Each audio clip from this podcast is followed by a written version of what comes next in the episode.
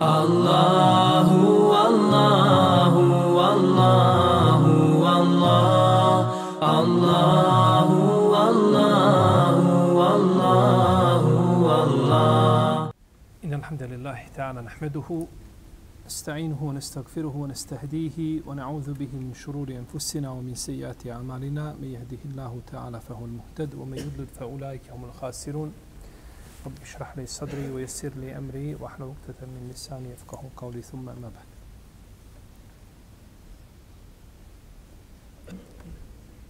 Mi smo u našem zadnjem predavanju stali kod koga je 263. je li tako? Kome je uzvišeni Allah te barak ta'ala kaže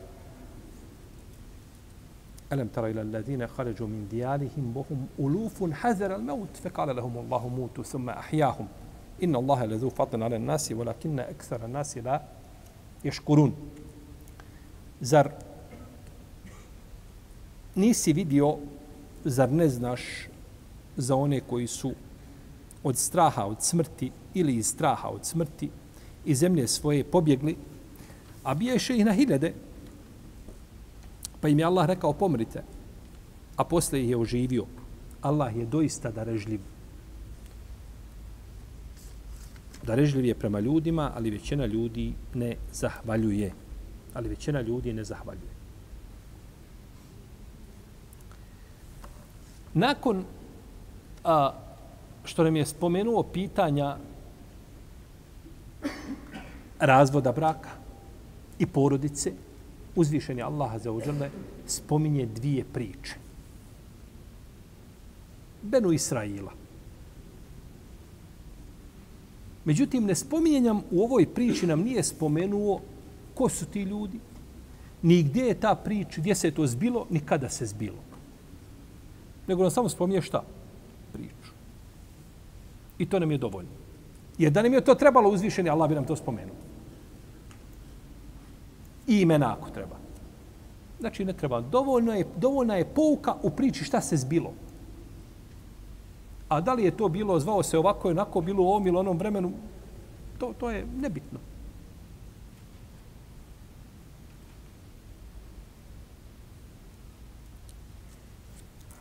Prva je priča, znači, ovako, može se kazati da je Beno Israel, mnogi kažu mu pa da je bilo to vezano za Beno Israel, a druga je definitivno za Beno Israel vezano, zato što je tako spomenuto, jel, a, u kitabu. Elem tera, zar ne znaš, zar ne vidiš, zar ne znaš, misli da ne vidiš, zar nisi upoznat. Nije viđenje, jer to je bilo tako davno nekada. Ovaj, međutim, kad se kaže nekad elem tara, zar ne vidiš? Jer čovjek kad nešto vidi, kad čuje, je listo? Nije. Ne se haberu kel muaje nekako došlo u hadisu, tako im nabasa. Nije isto vidjeti šta i, i čuti. I zato mi kažemo ešhedu en la ilaha illallah. Ešhedu. Znači, vidim da nema Boga šta. Toliko sam ubijeđen kao da je to šta svojim očima, iako ne vidiš. Pa ako ne možeš Allaha vidjeti svojim očima, a ne možeš na ovoj, na ovome, na ovome svijetu, onda ga obožavaj kao da ga vidiš. Pa ako ti njega ne vidiš, on tebe šta? I to je ihsan. I to je najbolje vjerovanje. A ti kažeš ešhedu. Ne kaže se vjerujem, nego kaže se ešhedu, vidim, gledam. Jer mu šahada je gledati nešto, vidjeti nešto direktno. Pa ovdje kada se kaže, zar ne vidiš, zar, ne, zar nisi ubijeđen, zar nisi čuo, znači, za to, zar ne znaš da se desilo tako i tako, jeli, jednom narodu. Pa je ovo priča o narodu koji je a, pobjegao od kolere, od epidemije koja je zavladala u njevom narodu, pa su pobjegli iz straha od, od smrti, pobjegli su Kaže da se to je bilo jedno mjesto koje se zvalo Dawardan i to je u blizini Wasita. Wasit je mjesto između Kufa i Basre. Wasit, zato što je srednje mjesto, zato što je između Kufa i Basre. Zato je dobilo to ime Wasit. Wasit znači sredina. To je jedno veliko mjesto, oblast u kome, u kome imam Bahšel, uh, Ebul Hasan, napisao posebno dijelo o historiji Vasita. Zove se Bahšel, taj učenjak, to mu je nadimak.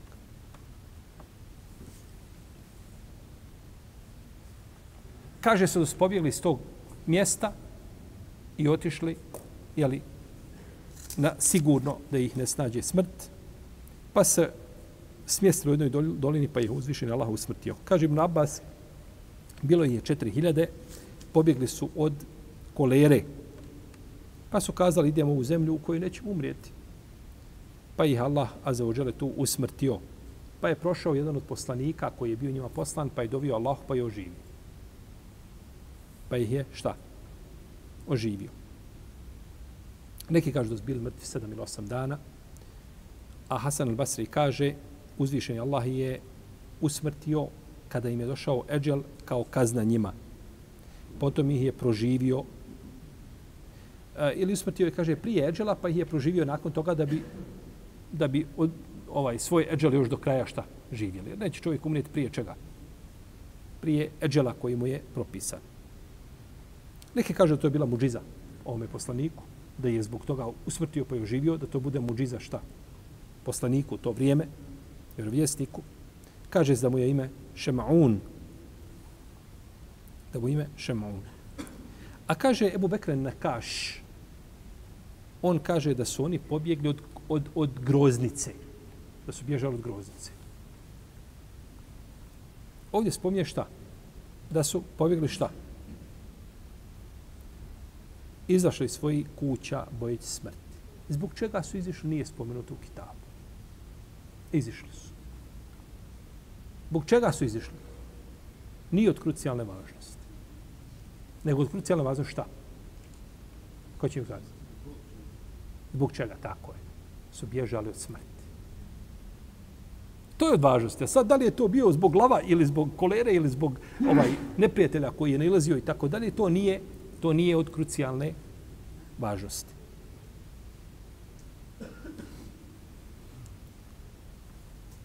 Neki kažu da su oni pobjegli od džihada. Ne bio propisan džihad. Pa, je, pa su zbog toga, znači, pa su zbog toga pobjegli. Da im je to propisano jezikom Hizkila, poslanika. Da se zvao Hizkil. Poslanik Hizkil. Kaže se da je to ovaj eh, čovjek koga je uzvišen Allah umrtio eh, ovaj pa je, da je ovaj proživio ga nakon stotinu godina, doćemo do toga i spominje autor ovo, ovo ime, spominje u suri Merijem, u suri Taha, u suri Šuara, u suri Kasas, spominje ga u suri Gafir, spominje ga u suri Al-Waqia, ovoga iz Kila, pa ćemo kako budemo dolazili, govorit ćemo, jeli, ovaj, ima po svemu sudeći ljudi sa im, ovim imenom, a ciljali se različiti, znači ovaj, jeli, različite se osobe ciljale ovim imenom. Došlo u hadisu koga bilježi Mahmed u svome dijelu Fadaili. Bilježi ga imam a, a, Ibn Asakir u svojoj povijesti velikoj. I bilježi ga također Ebu Naim u svome dijelu Marife od Ibn Bilejle da je poslanik, ali sam rekao, kaže, trojica su iskreni.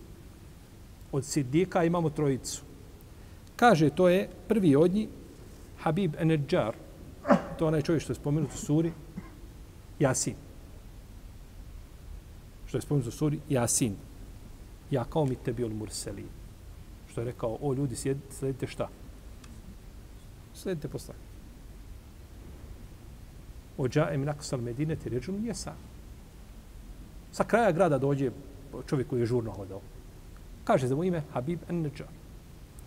I kažu drugi je čovjek koji je vjerovao iz Firaunove porodice. Koji je rekao, etaktuluna ređulen en je kule rabbi Allah. Zar ćete ubiti čovjeka samo zato što kaže moj gospodar je Allah? I kažu treći je, od oti sidika, dobri, ko? Ali je ibn Talib. I on je najbolji. Tako došlo i vajetu, koji ne treba ocijeli. To je batil i laž na poslanika. To poslanik sam nikada rekao nije. To je neistina kao kaže šehol islam i ostali činjanci. Hizqil kažu da su pobjegli iz bojazne smrti ako se budu borili Pa je uzvišen Allah ih usmrtio. Da im pokaže da nije smrt ni zbog borbe, ni zbog čega, nego zbog čega? Zbog odredbe. Smrt biva zbog Allahovog određenja. Potom je oživio, potom im naredio وَقَاتِلُوا فِي سَبِيلِ اللَّهِ ajetom nakon toga da se bore na Allahovom putu.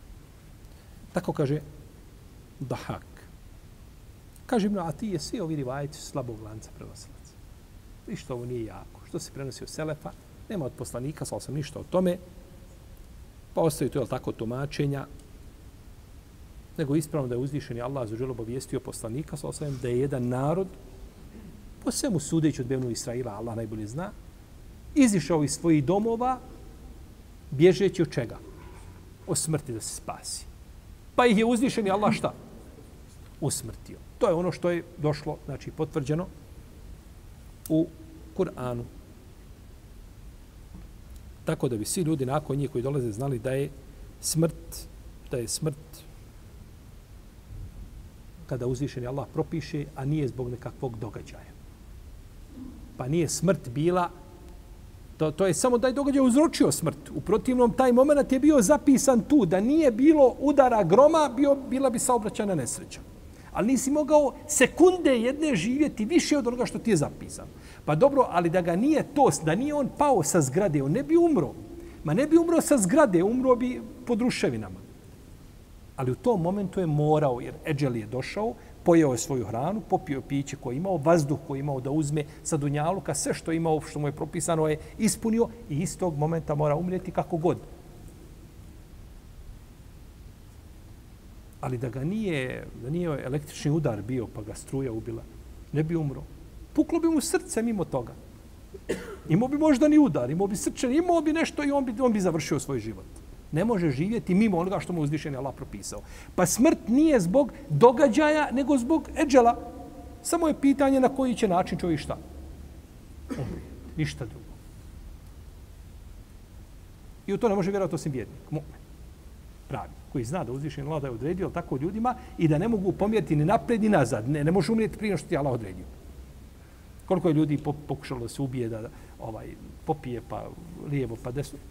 I opet na kraju ostane živ. I oženi se još nakon toga. Ništa. Ne možeš umrijeti živ bio prije vakta. Samo je pitanje od čega ćeš i kako umrijeti. A vrijeme, vrijeme, vrijeme smrti, to se promijeniti. To se promijeniti. Ne može. I zato je bježanje od smrti je absurdno.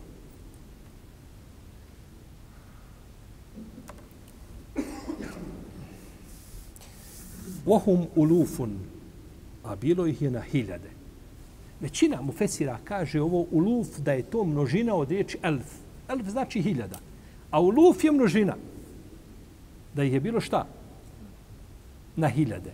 Ali koliko ih je bilo? Predmet je razilaženja. Ima tu deset mišljenja. Ima da ih je bilo tri hiljade. Da ih je bilo četiri hiljade. Da ih je bilo osam hiljada da je bilo 30.000, da je bilo 37.000, 40.000, 48.000, 70.000, 80.000 i 600.000. Deset mišljenja kod Mufesira, a možda ima i mimo toga nekakvi mišljenja, koliko je bilo. Međutim, ništa to nije potvrđeno. To je samo šta? Mišljenje. Bilo ih je, kažu mu Fesiri, u Luf, kaže, to je bilo ih je više od deset hiljada. Jer se ne kaže uz uluf za deset pa manje. A koliko ih je bilo tačno, nije ni to od ovaj posebno, jeli, posebno bito. Imamo, svi su učenjaci složeni da se ovdje u luf riječ odnosi na hiljade. Osim jednog rivajeta koji se prenosi od Abdurrahmana ibn Zejda ibn Eslama, koji je rekao da je ovdje riječ u luf da se misli da su izišli, a oni sjedinjeni nisu imali problema sa svojim narodom pa da su pobjegli od njih. Na drugi način tumači šta tu? Tu riječ. Ali ispravno da se radi da, da, da je o broju. Ibn Hajar, Ibn Hajar ima dijelo koje se zove Bezlul Ma'un. Kada je govorio o ovoj priči, Ibn Hajar kaže svi su složni učinjaci i rivajeti koji govore da se ovdje radi o broju, a ne radi se o čemu? O srcima i sjedinjavanju srca. Pa ih je znači bilo puno i izišli su bježeći šta? Bježeći od od smrti. Bježeći od bježeći od smrti. Fa ematehumullah, pa ih je uzvišen Allah usmrtio. Kaže Mujahid, kaže, kad su se, kad su bilo oživljeni, oni se vratili svome narodu. Pa su, kaže, poznali da su ovi bili mrtvi. Kaže, na njihovim licima, licima je bio izgled. Fizionomija njihova je ukazivala da su bili šta? Mrtvi.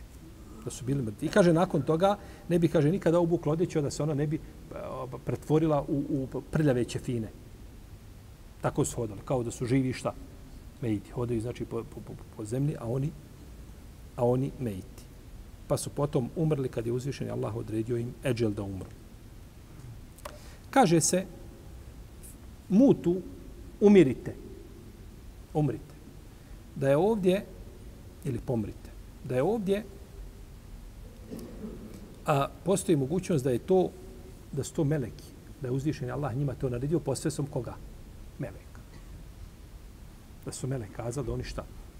Neki su u Fesire pokušali da kažu, ovo misli se umirite, da je uzvišen Allah oslabio to društvo, pa kao da su bili, oni su bili živi, ali kao da su bili šta?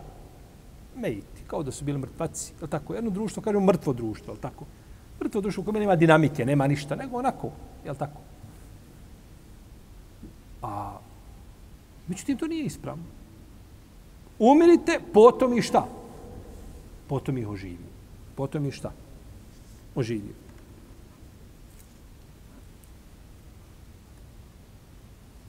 Pa ih je uzvišen Allah za oželo živio da im pokaže znači, stvarnost i biti čovjekovog života. I ovo je, ovo je jako bitno. Primjena, svatanje prvo vjere, potom primjena. Da razumiješ ono šta od tebe traži zakonodavac, da to ispravno razumiješ i da to onda primjeniš na ispravan šta. Znači, to je ono što se traži od tebe. I zato je problematično. Imamo skupinu danas, veliki broj muslimana, danas općenito govorimo o muslimanima u svijetu, razumijeva vjeru ovaj, po nečemu što je sekundarne prirode. Ne kažemo da je nebitno. Jer u vjeri nije nebitno ništa. Ni onaj sundet najmanji nije nebitan. Ali kada to stavimo negdje na ljestvicu prioriteta, onda imaju razlike. Pa su to ponekad ljudi shvatili da je dovoljno da mu bude srce čisto, da ne misli drugom zlo, da pomogne drugoga, je tako? Neće uzeti njegov imetak, neće harama, da obavi bajram namaz, da pomogne u dovici, da pomogne gradnju džamije. Sve je to lijepo, sve to islam traži od čovjeka. Ali to ništa ne može nadomjestiti vjerovanje i to ne može nadomjestiti namaz i ne može nadomjestiti zekijat i ostale obaveze koje čovjek ima. Ne može nadomjestiti. I ne treba ljudima kazati nemoj to raditi. Međutim, nemoj, nemoj, nemoj slučajno da bi pomislio da je to dovoljno. Ali mno, mnogo muslimana misli da je to dovoljno.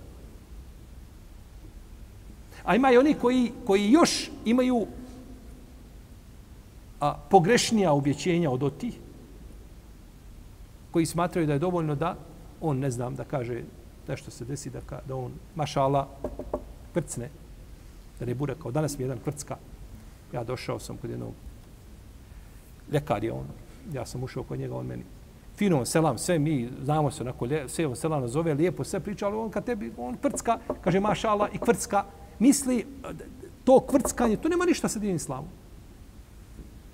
To je uvedeno. Ili da prođeš negdje pored, pored, ne znam, turbeta da ubaciš par novčića, ili da platiš nekome da prouči nešto mrtvom. To ništa nema sa dinim islamom. Ali ljudi to onda uzmu i stave to na, na, u kalup islama i to je njeno zamijenilo to što je negdje ubacio par novčića, to je njemu zamijenilo i i ovaj njegov namaz i njegov post i njegov zekat i njegov hadž i tako dalje. To je pogrešno. I zato mi muslimani danas da samo razumijemo jedan ajet i da ga primjenimo u praksu, poveli bi dunjalu kao što su poveli naši prethodnici. A to je ajet Iyake na'budu wa iyake nesta'in. Ništa drugo. Allaha iskreno obožavamo i samo od njega pomoć tražimo. Tražimo pomoć od svakoga mimo našeg gospodara. Ne kažem svi muslimani, ima uvijek odabrani, ima uvijek oni pred kojim se čovjek stidi kada ga vidi. Ali bojimo se da je stanje opći muslimanski masa ispod nivoa siromaštva. Svatiti Allahove riječi i primijeniti u praksu. Ovi su ljudi samo izišli s lijepim nijetom, bojeći se čega?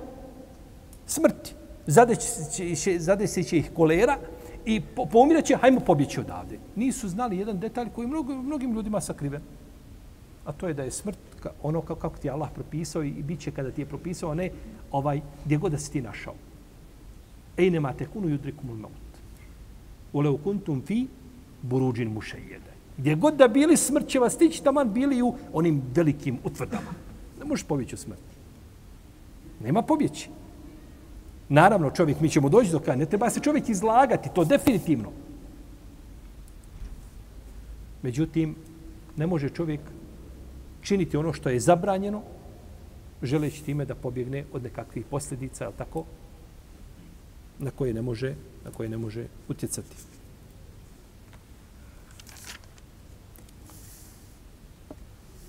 Pa je ovdje, znači, u ovom ajetu dokaz jeli, ili priča, ova, govori nam o narodu koji je bježao od čega? Od kolere. Bježao od kolere, tako je došlo od Ibn Abbasa, kako prenosi se Ibn Džubeir od njega i to je zabilježio Hakim sa vjerodostojnim lancem, kako kaže Ibn Hajar u svome dijelu Bezdol Ma'un. Ima dijelo na 400 stranica, sve o koleri. Zakupio se rivajete i što se kazalo o koleri.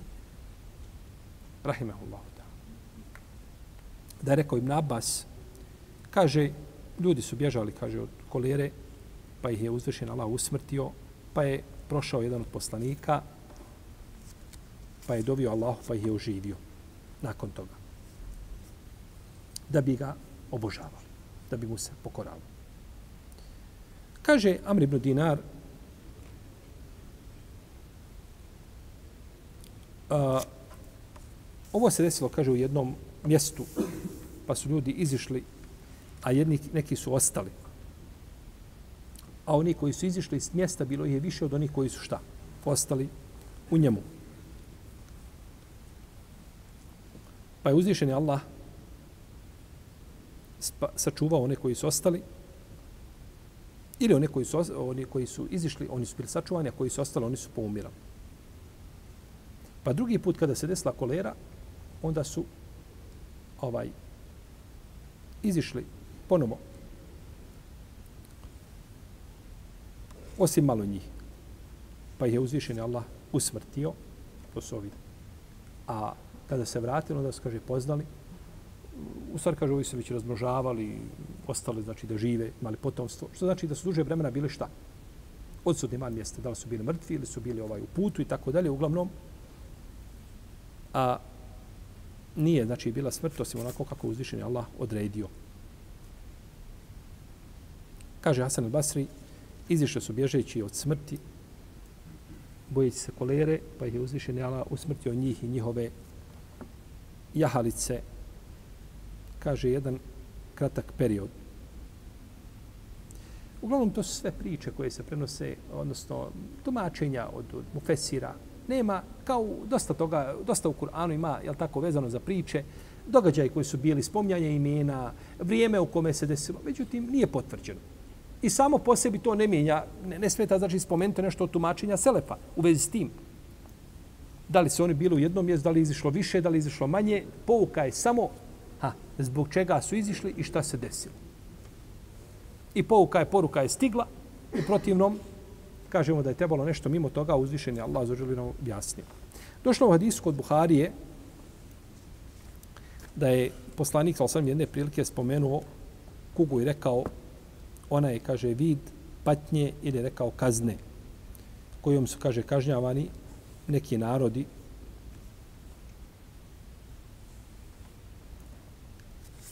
A, pa se onda to ona ponovo javljala, nestajala, javljala, kuga je odlazila i dolazila. Pa ko čuje, kaže da se u jednom mjestu pojavila kuga, neka ne ide u to mjesto. A ko se zatekne u tom mjestu, pa čuje da se pojavila kuga, neka ne izlazi iz tog, neka ne izlazi iz tog mjesta.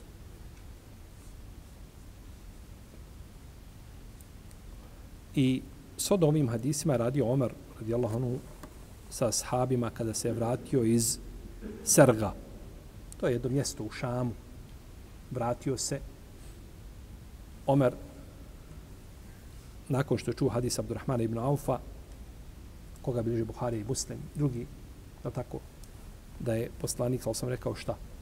Kada čujete za koleru u jednom mjestu, a vi van tog mjesta nemojte ulaziti. A ako, bude, ako se zateknete u tom mjestu, a zavlada epidemija u tom mjestu, nemojte izlaziti iz tog mjesta. Pa se Omer, radi Allah, vratio. I došlo je od Ajše da je kazala bježati od kolere je kao bježati sa bojnog polja. Ovo je hadis poslanika, sa što autor spomenuo i pripisao, aj što je hadis poslanika sa osadom. Došlo je sa lancem koji bi se mogao pojačiti. Da su ovo riječi poslanika, sa da je bježati od kolere kao bježati šta od sa bojnog polja.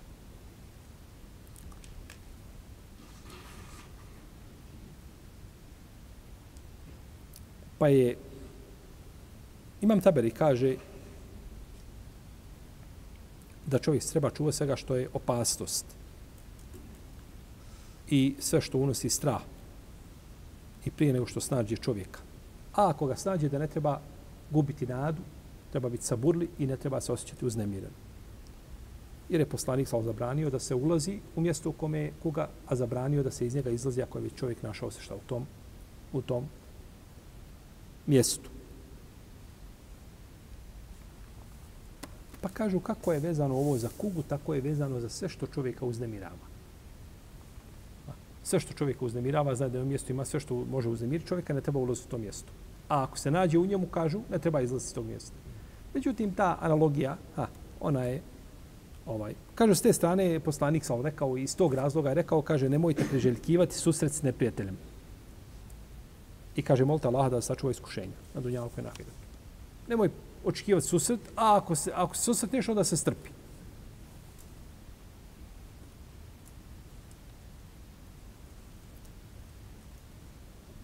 Kada je rekao Ebu Bejde Omaru, kaže Omare, zar bježiš od Allahovog kadera? Zar bježiš od Allahovog, od Allahove odredbe? Kad se Omer ti vrati Šama, kad se vratio, kaže, bježiš od Allahove odredbe, šta je Omer problem? Idemo, Allah je odredio, mi ulazimo. Pa je rekao mu Omer, kaže, bježim iz Allahove odredbe u Allahu odredbu. Kaže, kamo sreće da je to rekao neko drugi mimo tebe o Ebu Ubejde. Tako da nisam dočkivo od tebe.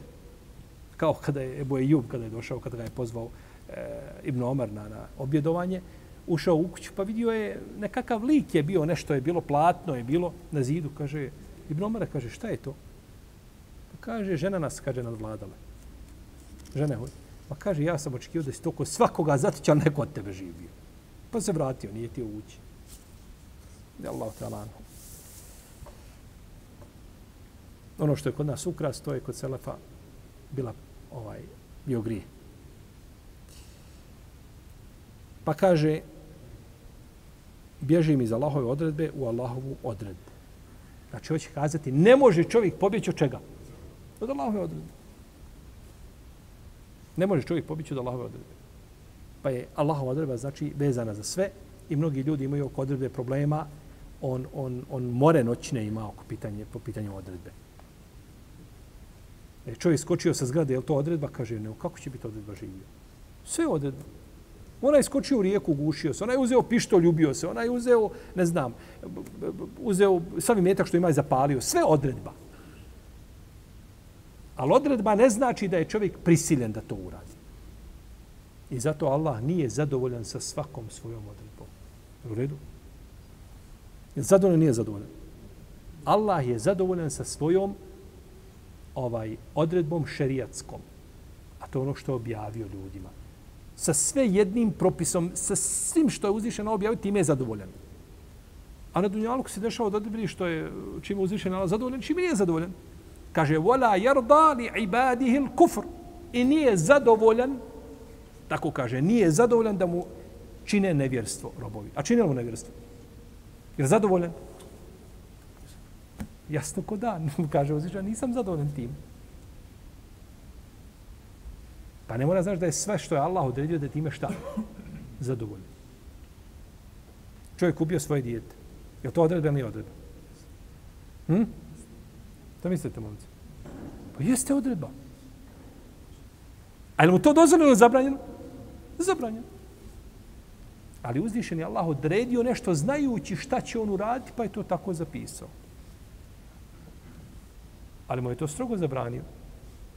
Vola taktulu euladekum. Zar ne kaže uzvišeni Allah u Kur'anu? Na dva mjesta. Nemojte ubijeti svoju djecu. I straha od siromaštva. Bojiš se siromaštva i ne smiješ ga ubiti. Pa kako onda kad se ne bojiš siromaštva?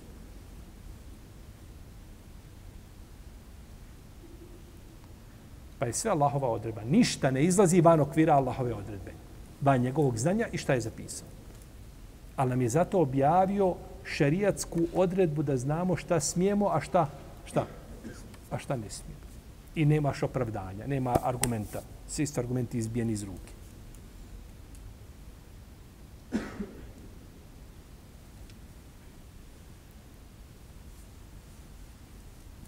došlo u hadisu da je poslanik rekao samo sam kaže šta misliš da imaš deve i da si da ih ovaj da si dotjerao u dolinu koja ima dva prohodna puta jednim dolaziš do pašnjaka dobri drugim dolaziš gdje je ovaj a, pusto kaže da ih napasaš na jednom ili na drugom mjestu bil to činio i na jednom i na drugom mjestu Allahom odredbom bi Znači, hoće kaže šta god da uradiš, kako god da uradiš, neće ja ići ovim putem, odoh ovim putem. To je Allahova odredba. Pa čovjek ne može znači izaći van Allahove odredbe nikoliko nikoliko ovaj treptaje oko. Uvijek je znači pod Allahovom odredbom i radi ono što uzvišeni Allah za ođele odredio, ali ga nije prisilio. To je bitno. Njemu je određeno je li mu određeno da bude nevjernik? Je li nije? A što, kako će onda u džahennem?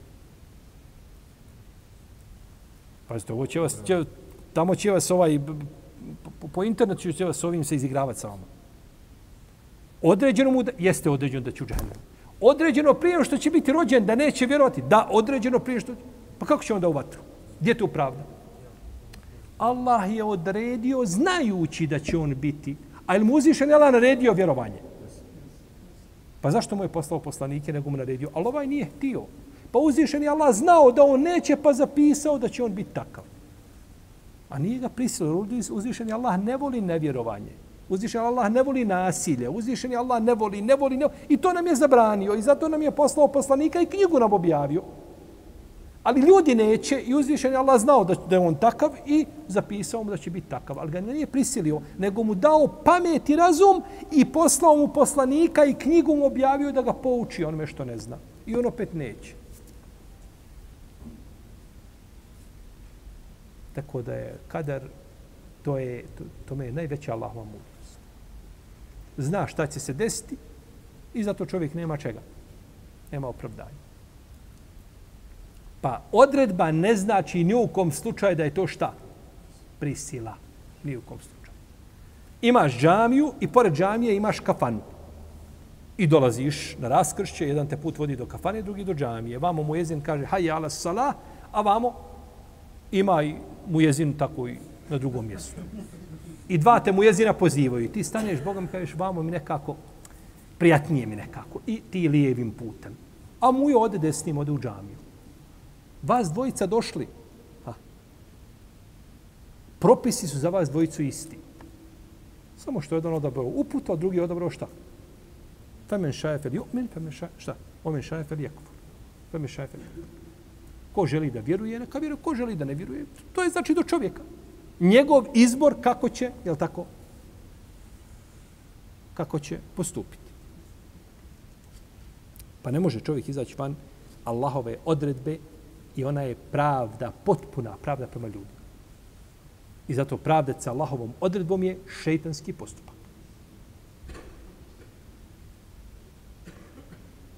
Jer šeitan je rekao, gospodar moj, da bima agvajteni, zato što si me u zabludu odveo. Nije ga Allah u zabludu ti sam sebe u zabludu odveo, nisi htio pokoriti svome gospodaru. Kao što se ne pokoravaju ni tvoji sledbenici.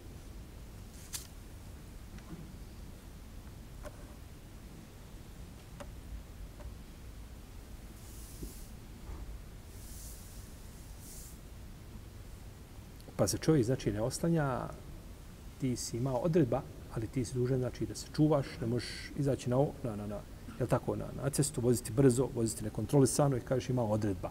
Ako određeno, ja ću šta? Umrijeti.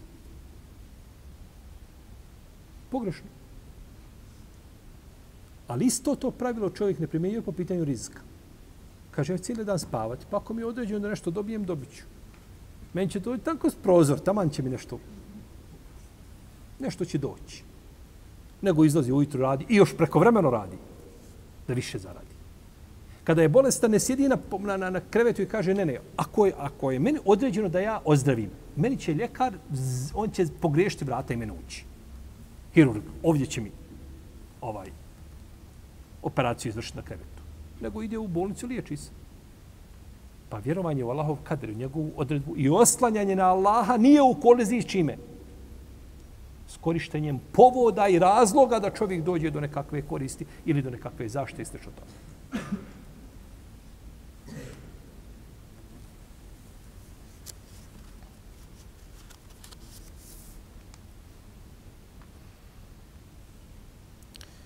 Dobro. ovdje je zabranjeno čovjeku da izlazi iz mjesta u kome je kolera, jer ako iziđe, on će kazati i spasi se, spasio sam se čime? To što sam izišao. Hvala Allah što sam to izišao. Da nisam izišao, ja ne bi preživio. Otkud znaš? Da li bi preživio ili ne bi preživio? Pa je čovjek se čuva onoga što je, znači, što mu može nauditi. Kaže Abdullah ibn Mesud, kaže kolera je, kaže fitnet za onoga koji iziđe i onoga koji ostane.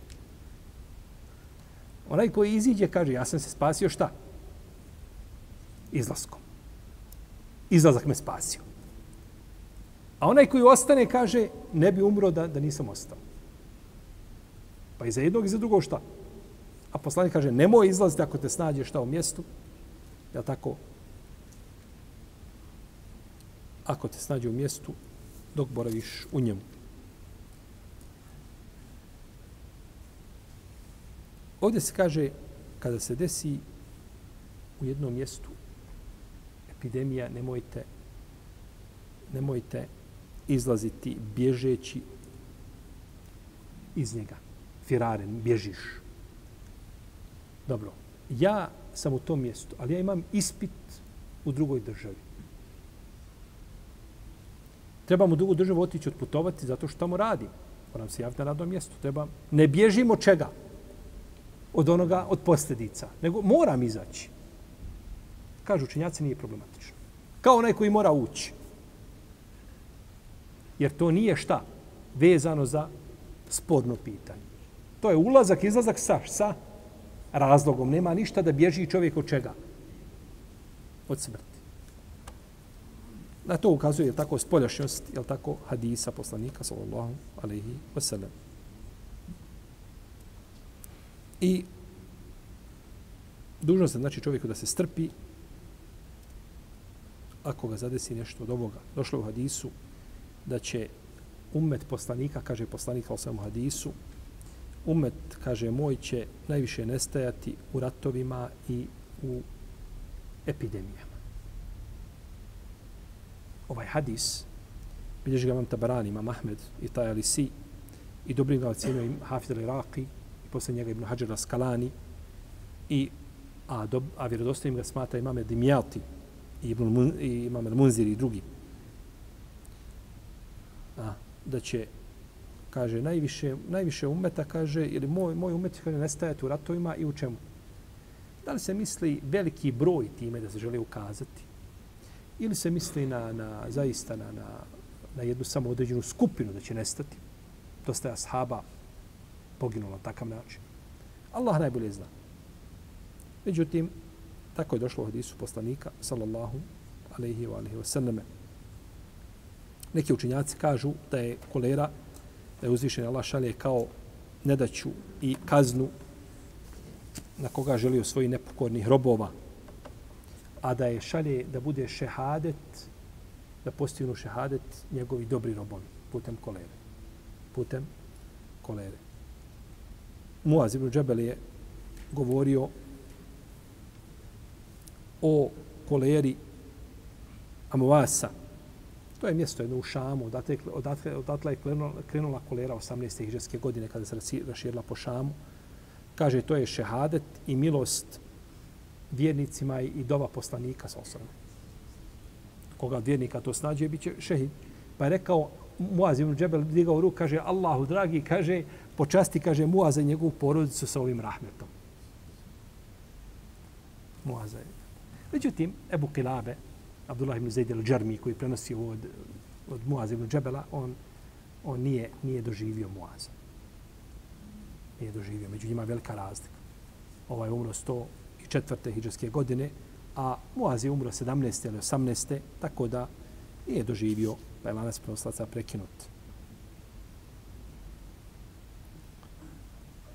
Kod Buhari ima hadis od Ajše da je poslanik, sal svemo koleri, rekao, to je bio azab, Allah ga slao na koga je želio svojih robova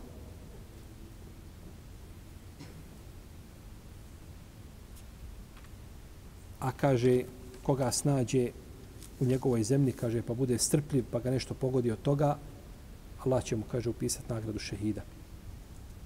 Pa je to za jedna kazna, za druga je milost. Kaže, imam Ibn Abdulber, kaže, ne znam nikoga od učenjaka da je pobjegao od kolere, kaže, osim Ali ibn Zaid ibn Juda'an. On je bio rabija, jedan koji je prenosio dosta hadisa. Bio je nepouzdan po pitanju prenosio, kao prenosio, bio je nepouzdan. I navodi se još od nekih da su pobjegli, poput Amra ibn Ubejda i Ribata ibn Muhammeda, da su pobjegli šta od kolere. I pobjegao od kolere, a, pobjegao od kolere a, Abdulaziz ibn Marwan. On je bio u vrijeme a, halife Abdul Melika ibn Marwana bio je namjesnik, pa je pobjegao, pa je poslao ovaj svoga a, izaslanika, halifa za njim. Kada ga je stigao, kaže, kako se zoveš ti, pitao njega. Kaže, zovem se Talib ibn Mudrik. To nije njemu ime. Nego kaže, zovem se, Talib je onaj koji traži nekoga, a Mudrik je onaj koji ga je našao, koji ga je sustigao. Ha. Onaj koji traži sin onoga koji je sustigao. On je razumio da, da se veže za njega. Kus je pobjegao od kolere, pa kaže, ja se neću vratiti nazad, pa je umro. Pa je umro u statu, nije se vratio. Ovo spominje ovako Ibn Kesir u svome delu Bidaje u Nihaje. Spominje to u osmom tomu, da se to desilo 70. iđeske godine. Pa se je kolera dešavala a, kroz generacije, kroz stoljeća. Time su bili ljudi iskušani. Kaže Ibn Džouzi, da je 299. hijđarske godine, kaže, desila se kolera u a, kod fa, Farisija, kod Perzijanaca. Kaže, umrlo je tom prilikom 7000 ljudi. A kaže Ibn Kesir u svome dijelu El Bidaju Nihaju u 12. tomu, kaže, kaže od 449. hijđarske godine, kaže do ovoga vremena, kad sam pisao ovu knjigu, El Bidaje o Nihaje. A Ibn Kesir je umrio koje godine? 774. Kaže, do ovoga vremena, kaže, umrlo je, kaže, milion i 550 hiljada ljudi od kuge muslimana. Znači, to je u neka, ha, kažemo, tri stoljeća, umrlo je milion i 500 hiljada od čega? pojavi kuga, nije to bilo ko u naše vrijeme, ali tako bilo i mogućnost liječenja, sve se razlikao, nego to se živi dok ne prestane samo. Nema lijeka. Nema lijeka. Čak kaže u 11. tomu od Bidaju Nihaje, govorit će o 334. hiljadskoj godini, kaže, i desilo se, kaže, velika skupoća u Bagdadu. A,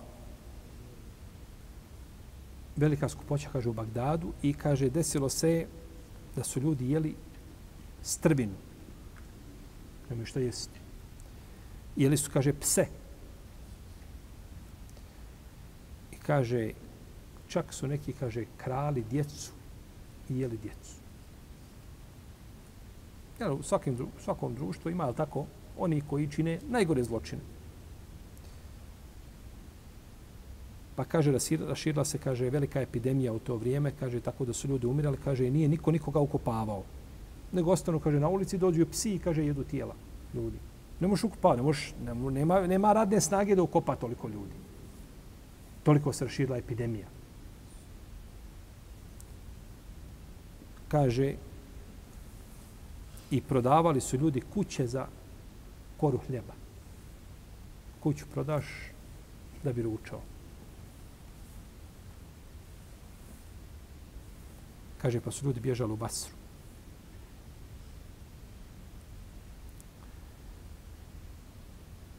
Ljudi su živjeli iskušavani, bili svakako.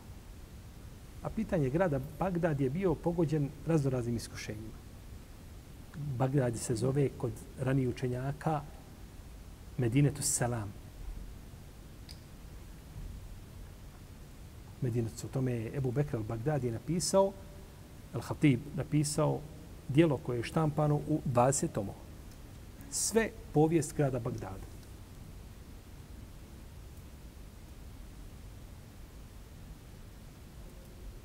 I došao Ibn Nadjar. Ibn Nadjar je napisao, ima on, ima on ovaj dodatak na tu povijest, ali ima posebno dijelo koje se zove Tarihul Jadid, li Medineti Salam, nova povijest. Ali je u 30 tomova, ali izgubljena. Samo su četiri toma nađena o tome. Imam Šafija, kaže, nisam nikada ušao u jedno mjesto, kaže, da se nisam osjećao kao putnik, osim, kaže, Bagdada. Tu sam, kaže, osjećao da sam, da sam u svojoj domovini. I pitao, pitao je Junusa, Abdelala, kaže, jesi bio u Bagdadu? Kaže, nisam, kaže, nisi vidio Dunjaluk i nisi vidio ljude. Ne znaš ništa. Odi pa vidi šta je Bagdad. I govori Ibn, Ibn Halef, Muhammed Ibn Halef, Al-Hamdani, kaže, ja sam, kaže, obišao Dunjalu, kaže, i uzuži poprijeku. I istok i zapad. Kaže, ne postoji na zemlji ništa ko Bagdad. I ko čita ovako učenjacima, ko su hodali, tako zavoliš grad Bagdad, nikad ga nisi vidio i, i znaš da nije Bagdad danas ono što je nekada bio, međutim, kakva je to historija i kakvi su, kakvi, kak, kak, kakvi su velikani prolazili kroz Bagdad i kakvi su velikani boravili u Bagdadu. Neće znači, nijednog učenjaka koji je po, po Dunjalku kružio mu hadisa da nije navratio u Bagdad i slušao hadis.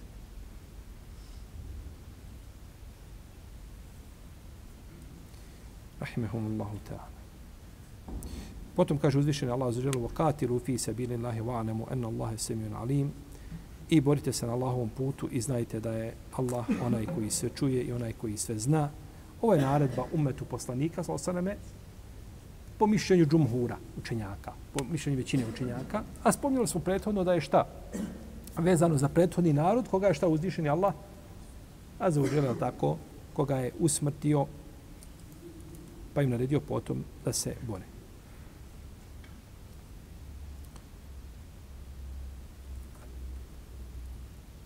Završćemo s ovim danas. Allah ta'ala nama sallallahu ala nebiju Muhammed wa ala alihi wa sallam. Allahu, Allahu, Allahu.